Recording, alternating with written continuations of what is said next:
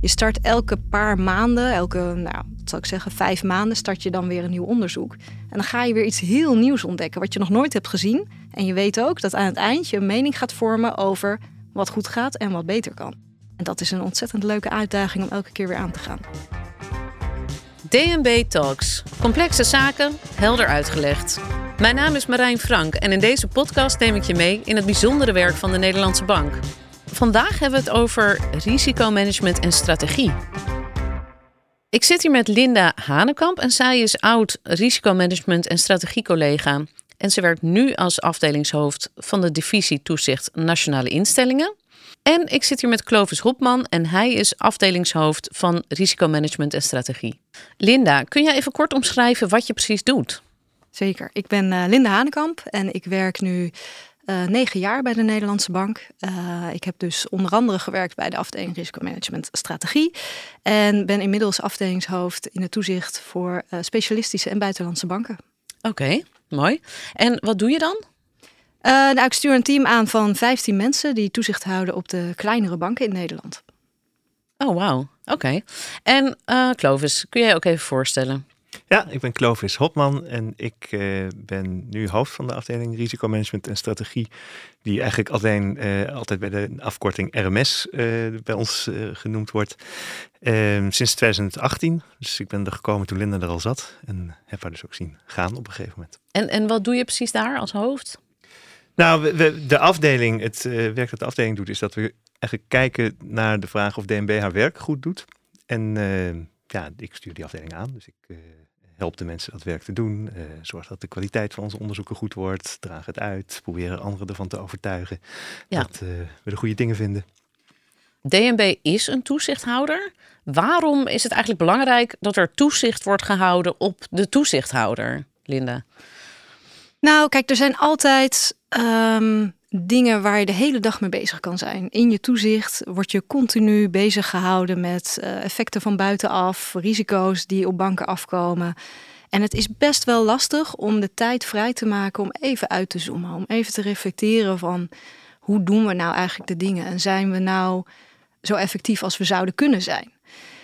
Uh, natuurlijk hebben we allerlei processen, procedures die je volgt, maar dat is niet per se altijd de beste manier om je doelen te bereiken. Um, en dat is eigenlijk waar de afdeling risicomanagement en strategie voor is, om dat uitzoomen wel te doen. Om de dingen op te halen die ook wel in mensen hun hoofden zitten, maar ook wel om dingen te zien waar je eigenlijk zelf niet aan denkt als je er middenin zit.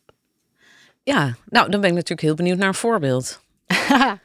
um, even denken. Nou ja, een voorbeeld is misschien wel um, de evaluatie die uh, is gedaan bij mijn afdeling en een van de andere bankenafdelingen in onze divisie. Um, en daar haalden we bijvoorbeeld dingen op over. Hmm, hoe ga ik dit simpel uitleggen? Uh, nou, laat ik, laat ik dit voorbeeld nemen over hoe wij risico's mitigeren.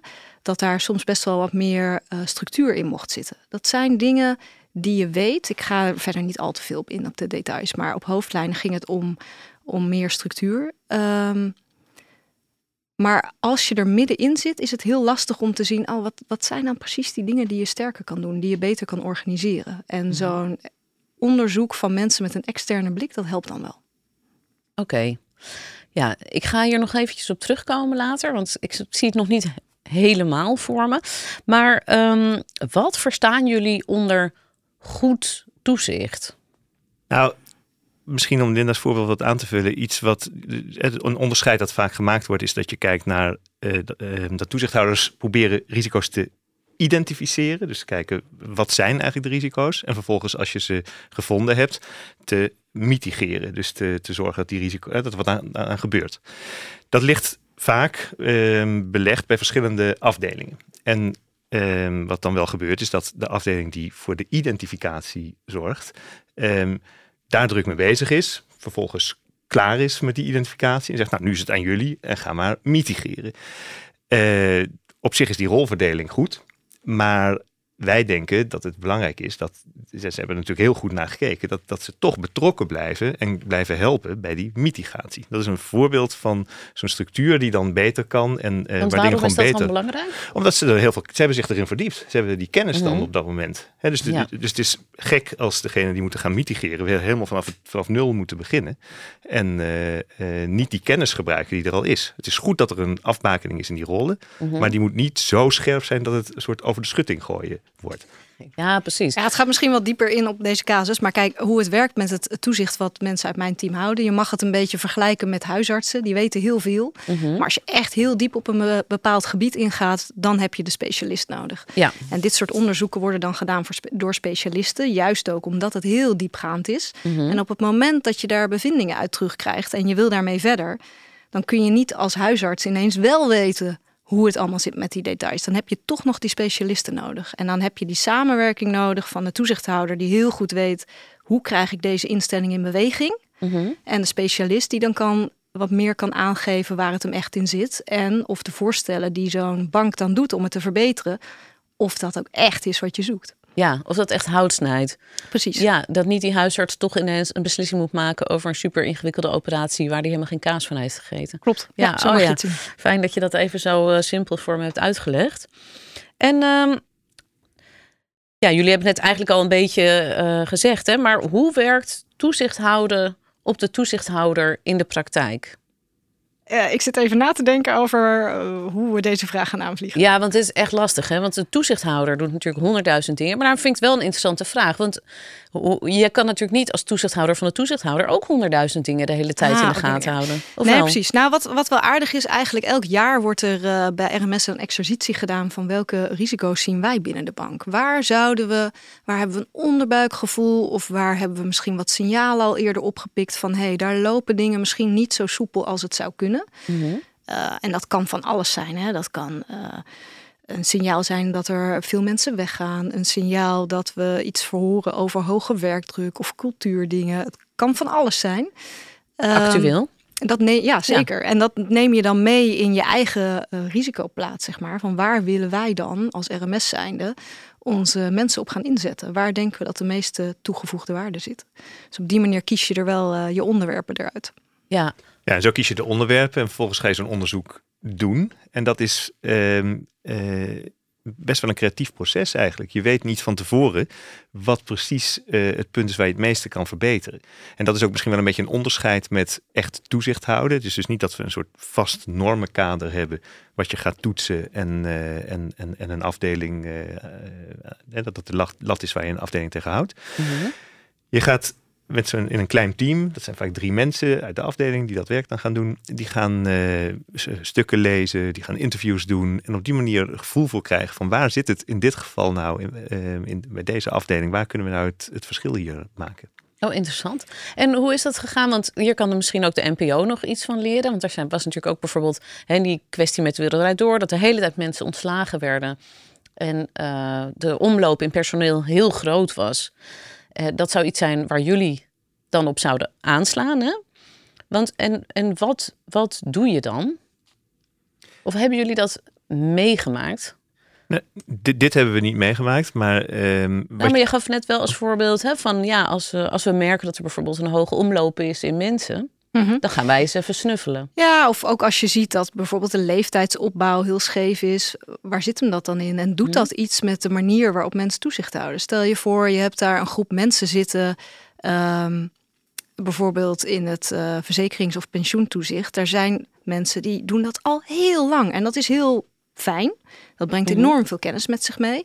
Maar stel je voor dat je een afdeling hebt waar uh, eh, 80% van de mensen een profiel heeft met al zoveel achtergrond. Mis je dan niet misschien ook de nieuwe risico's, de frisse blik? Dat zijn bijvoorbeeld dingen waar je dan naar gaan kan gaan kijken. Ja, en heb je dan bijvoorbeeld wel eens ontdekt waarom dat is? Of bijvoorbeeld omdat er alleen maar oude mannen van 60 plus zitten die nooit een jonge vrouw aannemen? Of... um, ik nam dit wel vaker mee van, uh, maar dat was meer als je dan al een onderzoek gekozen had, uh, dan ga je gewoon allerlei data bekijken van, oh, waar zullen we het op scopen? Um, en de HR-opbouw van een team nam ik dan ook altijd mee. Hm. Ja. Maar ja, om nou te zeggen, we hebben daar specifieke redenen dan voor gevonden, dat niet direct. Ja, want dat zou ik mijn antwoord dat de vraag van waar ga je dan naar kijken? Dat Mhm. is denk ik een beetje de magie van ons werk ook. Dat, dat, dat ik die vraag niet helemaal kan beantwoorden. Je gaat kijken naar wat valt op. En als er een, als je- dus bijvoorbeeld, Linda gaat in zo'n onderzoek dan kijken, wat is de HR-opbouw? Nou, misschien is die heel eh, normaal, is daar niks geks aan te zien, dan laat je het weer eh, varen. Ehm, valt daar iets ontzettend in op dat het alleen maar mensen uit een bepaalde demografische categorie zijn, dan is dat iets interessants. Of misschien is het een curiositeit, maar misschien is het iets interessants waar je verder in wil, eh, wil kijken. En eh, het zou dan kunnen, hè, maar eh, dat het zit in eh, waar, ze, waar ze werven of eh, in de samenstelling van het MT, dat die een soort bias eh, daarin hebben. Of, ik, ik, ik weet het antwoord niet. Ja. En dat is het leuke van zo'n onderzoek. Ja, Ik weet het niet. Je gaat het zoeken en hypotheses ontwikkelen. En die ga je testen. En dan ga je interviews doen en desk research doen. En ja. soms heb je beet en soms niet. En waar zijn jullie antennes dan allemaal op afgesteld? We hebben het nu over mensen, maar ik kan me ook voorstellen dat, je, dat het met cijfers, of dat je denkt, waarom zitten we nog steeds in dat fonds? Terwijl, hoe zit dat? Of hoe moet ik dat zien? Soms dan heb je heel brede onderzoeken van, oh, we zijn al lang niet bij deze divisie we- geweest. We willen hier eens een onderzoek eh, doen om gewoon te kijken wat ons gaat opvallen en of daar nog wat in zit. Maar soms zijn er ook bijvoorbeeld ehm, dossiers die zijn geëindigd in een faillissement. En dan ga je heel gericht kijken, hoe is dit gelopen? En dan ben je dus al veel meer gericht op eh, nou ja, een, bepaalde doorloop van je onderzoek. Je gaat kijken, wat is het probleem? Hoe is het aangepakt?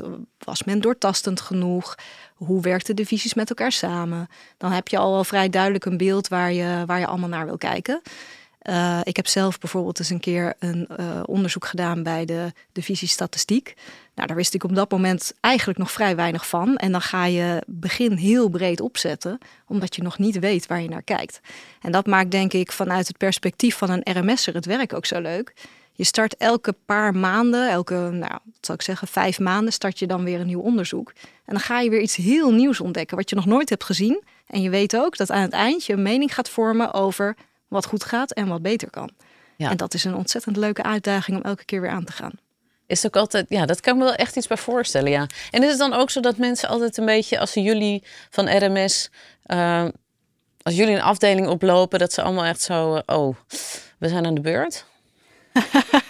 Ja, het wisselt denk ik ontzettend. Eh, ik denk dat iedereen het wel een beetje spannend vindt. Het is toch spannend dat iemand kijkt naar hoe, hoe je je werk doet.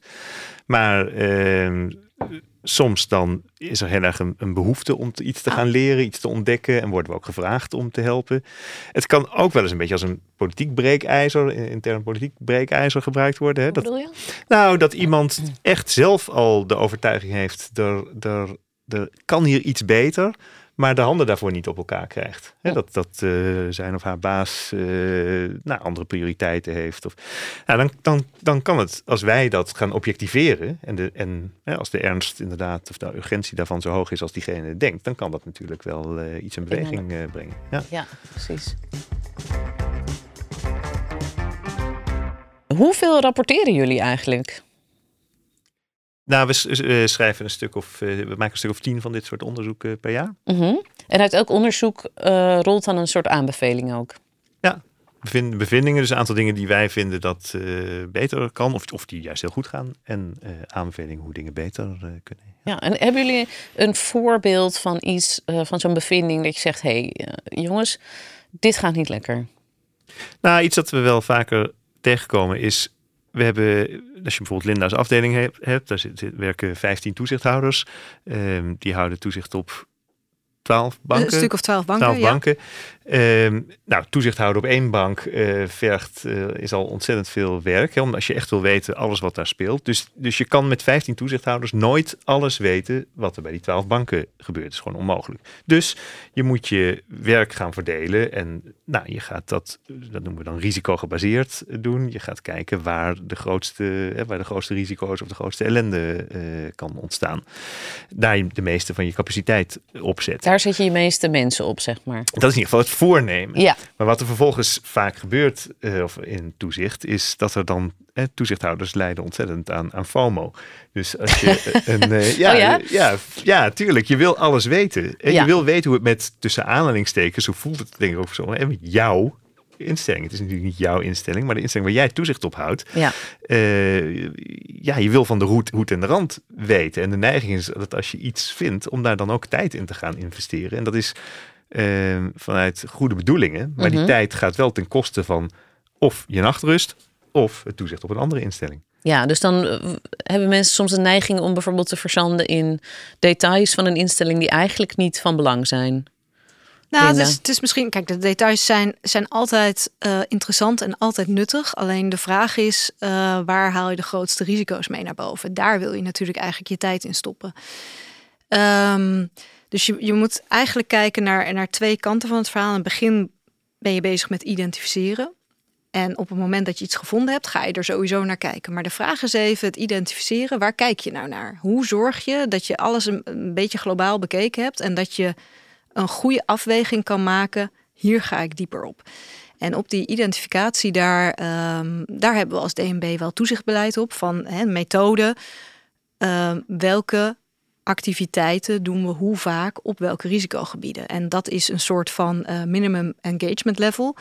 Eh, en daar zou je je eigenlijk aan moeten houden als je geen andere signalen hebt. Maar je merkt toch dat als je daar als toezichthouder mee bezig bent, maar ook als je in de managementlagen daarboven zit en je hoort af en toe wat, of je ziet een artikeltje in de krant, dan denk je ja, wil toch wel even weten hoe dat nou zit. Mhm. En dat je toch even als toezichthouder zelf eh, de telefoon oppakt en daar dieper in gaat spitten, een rapportage opvraagt. Of dat je vanuit eh, de lagen boven je krijgt te horen, waarom wist ik hier niet van en wat zit hierachter? En dan, ja, dan baal je wel als toezichthouder en dan wil je dat eigenlijk gewoon al lang weten. Oftewel, er bestaat een neiging om heel veel te doen.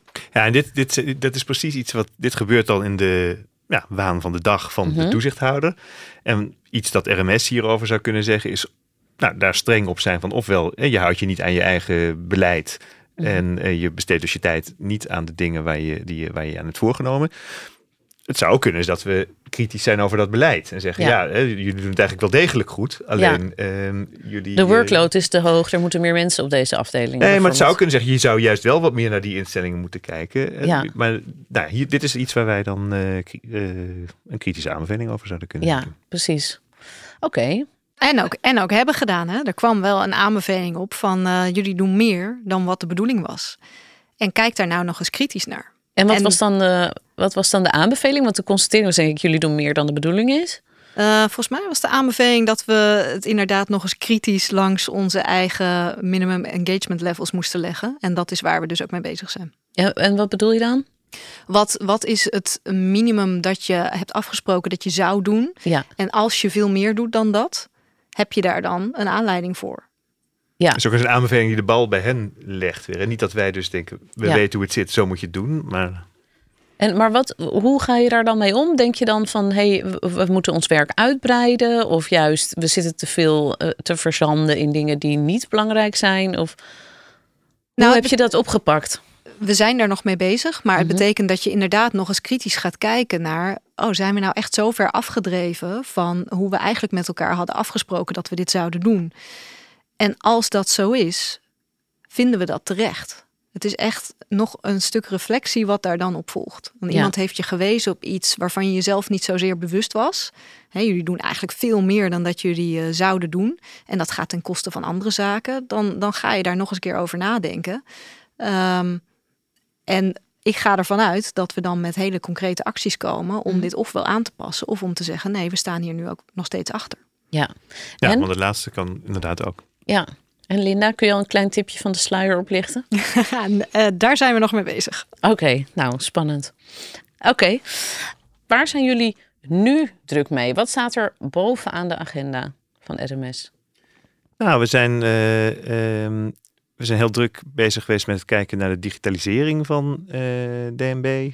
Ehm, dat, dat is iets eigenlijk van het afgelopen jaar, maar dat is nog steeds wel iets dat, dat is gewoon, heel veel instellingen vinden dat lastig en, en, wij ook. Dat is gewoon iets waar we van eh, aan het leren zijn. We kijken naar het eh, toezicht op een grote verzekeraar. Dus dat is eigenlijk een klassiek RMS-onderwerp, zou ik zeggen. Ehm, Hoezo dan? Nou, gewoon echt een klassiek toezichtonderwerp van houden we goed toezicht op instelling X. Dat ja, is, dat is, dat is, uh, dat is van, van alles het werk dat we doen, denk ik, het meest uh, gestandardiseerd. Um, we gaan kijken naar de uh, afdeling die toezicht houdt op markttoegang. Dus als er nieuwe instellingen uh, toegelaten worden tot het Nederlandse financiële stelsel, dan moet je een soort paspoort krijgen. Um, hoe doen die afdelingen dat? Daar gaan we nu net mee beginnen. Ehm, we kijken naar de bijdrage van de Nederlandse bank aan het toezicht op grote uh, banken. Want dat, dat is een van de complicaties van de Nederlandse bank, is dat we veel werk in Europees verband doen. Dus soms ben je niet eindverantwoordelijk, maar draag je bij aan een grote Europees iets. Nou, ben je goed in die bijdrage dan, hè, of in het beïnvloeden van, uh, van de Europese Centrale Bank. Mm -hmm. Dat zijn eventjes, uh, ja. ja, precies. En bij jou? Um, nou ja, ik doe dus nu geen, uh, geen onderzoek meer. Ik heb uh, een, een, stuk of twaalf banken in mijn afdeling waar wij toezicht op houden. En dat uh, varieert van operationeel risico, liquiditeitsrisico, kredietrisico, governance aspecten. Het is, het is echt een ander vakgebied. Ja, nou, wat wel interessant is, is dat nou, Linda heeft heel lang dit werk gedaan. Is nu afdelingshoofd van, van die afdeling op die, op die specialistische banken toezicht houdt. Maar wij hebben ook weer gekeken vanuit onze afdeling naar ja, hoe Linda's afdeling uh, haar toezicht doet. Dus is deels oh ja, zelf. Jij, jullie, jouw afdeling heeft jouw afdeling ja. uh, onder de loep genomen. Ja, in de tijd dat ik er nog niet was. Dus ik, uh, toen ik aankwam, kon ik eigenlijk vrij snel dat rapport in ontvangst nemen. Mm -hmm. En wat waren de tips en tops? Wat er heel fijn aan was aan zo'n rapport, is dat je vrij snel dan inzicht krijgt in wat zijn de dingen waar het schuurt. Ja. En nou is het zo dat RMS ook altijd aanbevelingen doet en die zijn heel prettig. Niet altijd misschien de manier waarop een, uh, het onderwerp van onderzoek het zelf wil aanpakken, maar dat is ook prima. Dat is uh, ook iets wat echt altijd onderwerp van bespreking is. Hoe kun je hier nou verder opvolging aan geven? Maar het is heel fijn dat je, nou, dat je alvast in je begin gewezen wordt op dit zijn de onderwerpen waar je wel wat aandacht aan mag besteden. Want dit gaat echt over je effectiviteit. Ja, precies. Hey, en ik snap dat jullie niet te veel inhoudelijke dingen willen vertellen. Maar als we toch even een moment van hand in eigen boezem mogen hebben, dan uh, vraag ik me af, ja, hoe zelfkritisch en reflecterend is DNB op dit moment? Wat gaat er goed en wat kan er beter? Ja, ik denk een van de dingen die wel aangeeft dat we als DNB hier goed mee bezig zijn, is dat de afdeling RMS uh, er best goed op staat van het hoger management ehm, tot het midden, middenmanagement. Het is niet overal binnen de organisatie even bekend op werkvloerniveau, heb ik gemerkt. Maar het is wel iets wat, uh, wat wordt gewaardeerd binnen de bank. Uh-huh. Dus die, die kritische blik, die wordt wel gezocht. Mensen komen ook bij jou, Clovis, met verzoeken van nou, kom ons helpen met dit onderwerp. Uh-huh. Ja. ja, dus er gaat veel goed. En tegelijk, uh, kijk, het, het feit dat RMS bij DNB bestaat, heeft er ook mee te maken dat DNB ontzettend, uh, of een best vergaande mate van onafhankelijkheid heeft. We zijn niet beursgenoteerd. Het is niet dat uh, Klaas Knot wekelijks in het parlement verantwoording moet afleggen. Um, hè, dus, dus, dus we zijn, we zijn ja, in vergaande mate onafhankelijk. En dat voel je ja, dat wisselt inderdaad heel erg in de organisatie, maar dat voel je op plekken ook wel. Hè? Dus dat, uh, dat, dat, dat het nou ja, ontvangen van, uh, van een kritische blik ook wel iets is waar mensen zich even uh, toe moet verhouden en aan moet wennen. Mm -hmm. En ehm, dus, dus ik denk dat het op heel ja, het is, het is misschien een beetje een te genuanceerd antwoord dan, maar ik denk dat het op, op, op ja, heel veel dingen goed gaan, maar ehm, dat dit, ik zou je niet uh, ik, ik, denk wel dat wij heel erg nodig blijken. En niet alleen deze afdeling trouwens, ook andere, mm -hmm. andere kritisch. We zijn natuurlijk niet de enige afdeling die kritisch kijkt. Ja. En dat dat echt wel iets is dat de organisatie ook nodig blijft hebben. Ja, want waarom heeft de organisatie dat nodig? Nou, het maakt het echt, misschien is iedere organisatie hierbij gebruikt, maar DNB extra, denk ik, om, vanwege die onafhankelijkheid. we hebben, niet, we hebben geen klanten. Ja. Je kan onze banken als klanten zien, maar dat zijn wel klanten die heel erg van ons. Uh, ja, wij, hebben, wij hebben een machtsmiddel, zij niet. Het is niet dat ze dingen bij ons kopen en als wij dingen niet goed doen, ja. dat ze naar een andere Nederlandse bank gaan. Ja. We hebben geen, uh, um, ja, geen aandeelhouders. Geen, uh, dus, dus we moeten het van zelfdiscipline hebben. Meer dan sommige andere instellingen. Ja, en dat, dat is misschien ook wel als je een parallel zou trekken met een, een commerciële organisatie. Dan ben je ook heel erg gericht op verbeteren, vernieuwen, nieuwe producten, nieuw marktaandeel. Hoe gaan we dat realiseren? Bij DNB komt die verandering denk ik wat minder natuurlijk, terwijl de wereld wel verandert. Ja. Dus in je toezicht moet je mee en ook in andere taken. Je moet blijven ontwikkelen om in te kunnen spelen op die veranderende wereld. Ja. En daarvoor is het best wel nuttig als je mensen hebt die van de zijlijn meekijken en je daar ook af en toe op wijzen van hé, hey, de manier die jij nu hanteert, sluit die nog wel aan bij hoe de wereld nu is. Ja. Oké, helder. Hoe is het om kritisch naar het werk van je collega's te kijken? Zitten ze eigenlijk wel op jullie te wachten? Kunnen jullie na zo'n onderzoek nog een plekje vinden aan de lunchtafel? Nou, dat is een hele leuke vraag inderdaad. En het, uh, dus, dus, dus het antwoord is: sommige mensen zitten uh, smachtend op ons te wachten en nodigen ons uit. En, en soms uh, is het meer vanuit professioneel meewerken, maar is het niet, niet waar ze het meest op zitten hopen het, hoe dan ook, maakt het ons werk spannend. Want je, precies wat jij zegt, dat is het voorbeeld dat ik ook altijd noem. Je zit daarna en je, hebt, je zit kritiek op je collega's te leveren. En vervolgens zit je met hen aan de lunchtafel. Of, nou, uh, je, je werkt bij RMS en later wil je afdelingshoofd worden ergens. En mm degene die jou moeten gaan benoemen zijn dezelfde mensen waar jij kritiek op hebt geleverd. Dat is Oei. spannend. Ja. Mijn Heb jij dat ook ervaren? Want jij bent natuurlijk nu, je werkt niet meer bij RMS. Mm Was dat ook echt zo van, oeh, ik ga deze afdeling nou even niet te kritisch aanpakken, want anders krijg ik straks die baan niet? dat zou heel slecht zijn als ik hier uh, ja op zeg. Maar, maar dat zijn er wel allemaal mensen dus, natuurlijk. nou, ik voel dat echt oprecht niet zo. Omdat ik uh, altijd voor ogen had, waarom doe ik dit? Om DNB beter te maken. En uiteindelijk zijn DNB'ers ontzettend trots op hun werk. En iedereen wil het doen. Alleen de vraag is even, hebben ze het idee dat ze er met respect ook doorheen komen. En dat is een kwestie van heel goed met elkaar in gesprek blijven. Ondertussen, als je dingen vindt, ook uitleggen. Waar haal je dat vandaan? Wat is je onderbouwing? En een kans geven aan de ander om ook uit te leggen waarom die het anders ziet. En dat is denk ik ook iets wat een rode draad is in, in het onderzoek. Uh, overtuigen of overtuigd worden. Het kan twee kanten op gaan, want RMS heeft het ook niet altijd goed. Het is ook vaak hypotheses opdoen en die toetsen. En soms ga je dan toch een andere kant op. Um, dus ja, ik, ik heb zelf eigenlijk altijd de dingen die ik vond uh, verder gebracht. En soms werd ik wel overtuigd dat ik het toch niet bij het goede eind had. Dat is denk ik ook prima. En soms bleef het wel schuren, maar dan, dan kom je er gewoon samen uit. We agree to disagree. En ja. we schrijven het op. En jullie mogen in de managementreactie aangeven als je het er niet mee eens bent. Dat is ja, wat, wij, wat wij doen is eigenlijk feedback geven. Hè? Ja. Aan anderen. En feedback maar geven... we weten allemaal dat het moeilijkste aan werken is dat je steeds feedback krijgt. Nou, ik, ik denk dat. Uh, Doen jullie wel sandwich altijd? Eerst iets aardigs en dan iets lulligs? Nee. nee.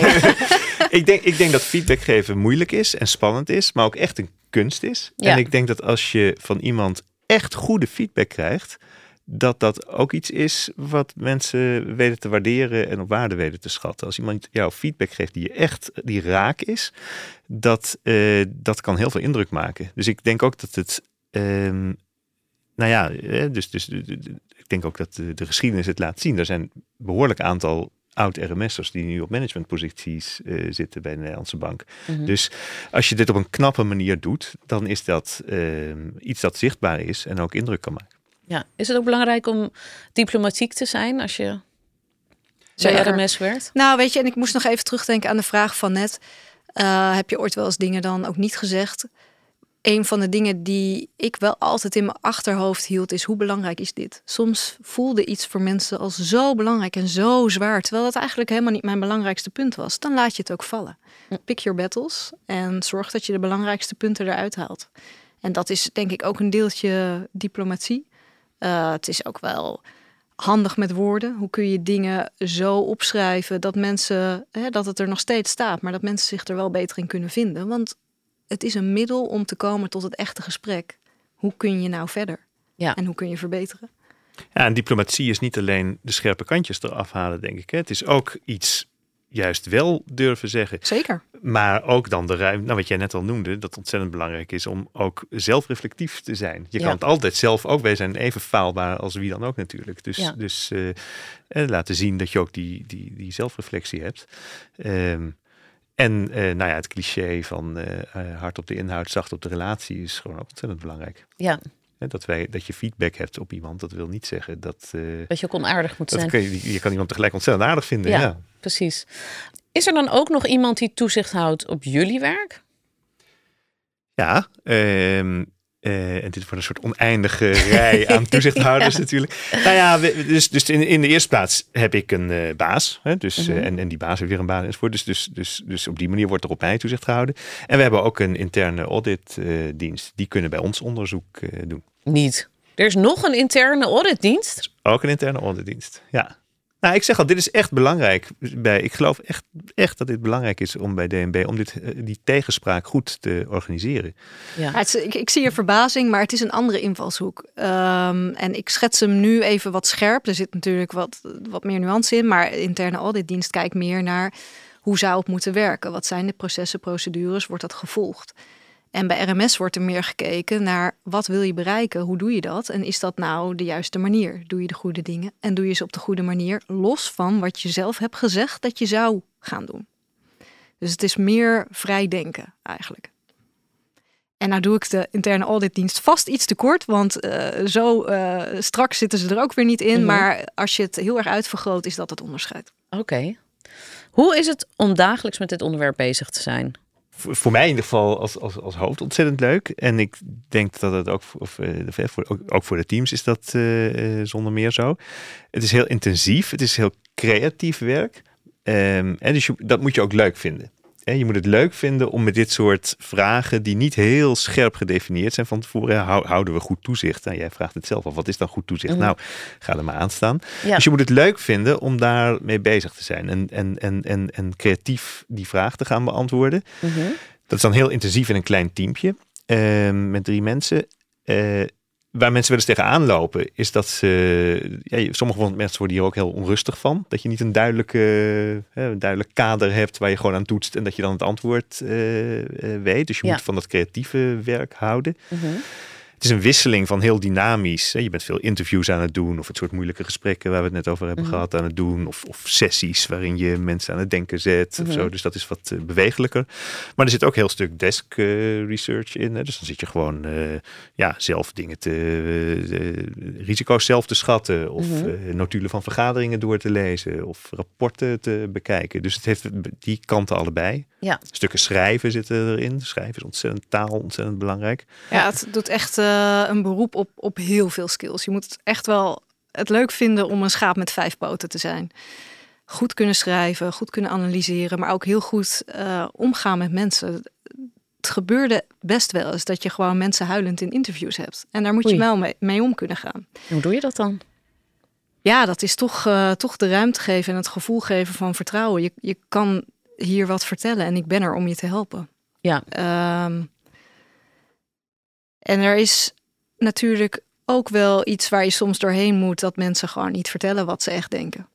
En dat is ook best lastig. Hoe ga je daar nou mee om als je mensen toch. Want hè, als RMS'er weet je ook niet alles. Je hebt ook je collega's nodig om de pijnpunten naar boven te halen. Maar hebben ze zin om dat te vertellen? Ja. Dat is ook een, een aspect van hoe krijg je dat dan toch zover? En soms lukt dat en soms ook niet. Ja, dus Maar je moet ook je- echt een soort, ja, toch dan weer een beetje een rechercheur zijn. Moet toch ruiken Ook. van, hé, hey, volgens mij zit iemand hier voor mij iets achter te houden en ik ga dit nu eruit peuteren. Eh, ja, en tegelijkertijd denk je ook, hoe zorg ik dat eh, mensen dit ook een volgende keer nog gaan doen? Ja, ja je kan, er ook kan- weer niet te hard ingaan wat dat betreft. Ja, je, je kan eh, natuurlijk best wel op een vervelende manier dingen naar boven halen, maar uiteindelijk ben je als organisatie met elkaar bezig om het, het werk beter te maken. En dat is niet dat ene onderzoek op dat ene moment. Ja, En bovendien probeer je het natuurlijk altijd met respect voor collega's eh, te doen, zo'n onderzoek. sowieso. Maar het, het, het vergt veel van je. Het vergt eh, goed onderscheid tussen hoofdzaken en bijzaken kunnen maken. Het vergt dat je goed kan overtuigen en dat je dan heel helder zegt: maar waarom is dit nou een probleem? Mhm. Dus het is op, eh, op allerlei aspecten is het eh, uitdagend en een enorme kans om te groeien. Ja, dat zou ik zeggen. Dat, is iets wat vind ik ontzettend leuk is. Is dat eh, niemand kan alles wat jij nu beschrijft. En niemand heeft dit allemaal in nee, het is systeem. echt een, je kan een altijd enorm sommige. pakket. Het is zoveel. Dat is Mhm. onmenselijk. Dus ehm, we hebben heel veel trainees gehad. Die komen net, eh, nou, meer net van de universiteit af. Die leren ontzettend veel uiteraard bij ons. Maar we hebben ook mensen die 20, zo, ja, zelfs 20 jaar bij DNB werken. Super ervaren zijn, gepromoveerd zijn, eh, waanzinnig veel ervaring hebben. Maar nooit op alle dingen die Linda net noemt. Die zijn dan niet ervaren in interviews houden. Of Ja. die vinden die moeilijke gesprekken lastig. Of eh, het schrijven van stukken. Of nou, wat je moet ook niet is. bang zijn om ook gewoon mensen te confronteren. Hè?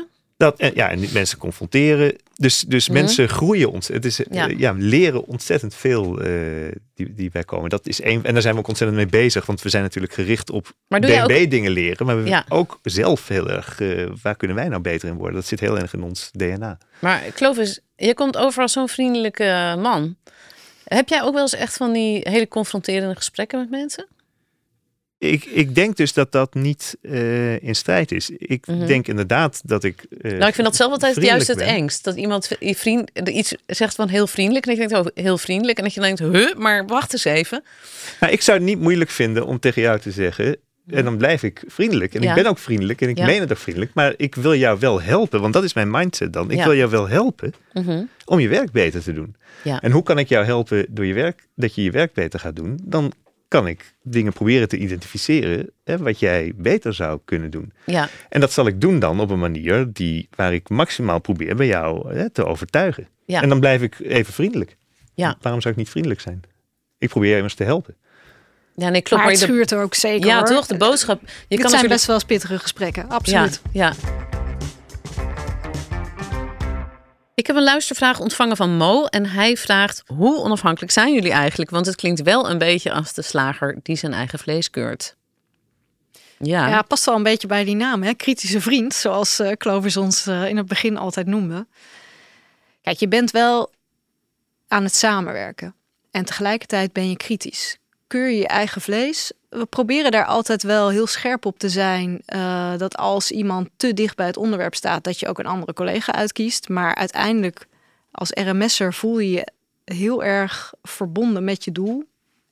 En heb ik nog nooit gezien dat mensen er moeite mee hadden om echt kritisch te zijn. Wel, hoe breng ik de boodschap zo dat ik impact heb? ja. Ja, maar de onafhankelijkheid zit er wel in ehm, dat wij dus een andere mening kunnen hebben dan iemand waar wij eh, eh, onderzoek naar, of degene waar we onderzoek aan, naar doen. Mhm. En dat er dus niet een of ander mechanisme is dat we er samen uit moeten komen. En Nee. dat is denk ik een, Uiteindelijk een mag de directie beslissen. Die mag beslissen. En we zijn niet onafhankelijk van de directie. We zijn niet losgeslagen van de organisatie. Mhm. Dus die onafhankelijkheid hebben we niet. Maar wel Mhm. de onafhankelijkheid van daar waar we onderzoek eh, doen. En die, die komt tot uiting in dat we het dus niet eens hoeven te worden. Dat is ook echt een van de uitgangspunten bij ieder onderzoek. Daar beginnen we ieder onderzoek ook mee. We hoeven er niet samen uit te komen. We gaan proberen jullie te overtuigen en jullie ons. Maar ja, Ja, die dus- onafhankelijkheid is er wel echt. Maar we Ja. zijn niet onafhankelijk van DNB. Nee. En wat nog wel interessant is, want eerder weet ik nog dat we, toen ik nog bij RMS zat, dat we zoiets hadden, er hoeft niet gerapporteerd te worden uiteindelijk over wat je er nou precies mee doet. Hè, wel die managementrespons, maar jullie zijn dat wel wat meer gaan aanhalen. Van we willen weten waar je opvolging aan geeft en hoe je het doet. En daar gaan we ook nog een keer over rapporteren. Dus daar zijn wel nieuwe inzichten volgens mij. Of niet? Ja, dat is wel iets wat we. Wij hebben natuurlijk ook ontzettend. bedoel, Wij leren ook voortdurend. En dit is wel iets wat wij eh, wat meer op zijn gaan zitten. Dus we willen, we willen dat degene waar we onderzoek doen. eh, echt ehm, de verantwoordelijkheid voelen en de wil hebben om er wat mee te gaan doen. Dus we Mhm. willen niet een of andere checklist en dat, die, dat wij daar voortdurend bovenop gaan zitten. eh, Heel, en dat het doel wordt om die checklist af te kruisen. Tegelijk eh, denk ik dat het helpt om daar op een, op een ja, toch wat vrije manier, maar wel over te rapporteren van wat heb je dan gedaan. Dat houdt je ook bij de les en dat brengt het ook weer eh, top of mind dat je ermee bezig gaat. Ehm, en geeft de directie uiteindelijk ook eh, inzicht van gebeurt er ook echt wat mee. Ja, nou heel goed. Oké, nou leuk om jullie gesproken te hebben, dankjewel. Dit was een aflevering van DNB Talks. Heb jij ook een vraag over het werk van DNB? Stel hem via dnbtalks.dnb.nl en wie weet beantwoorden wij hem in de volgende aflevering.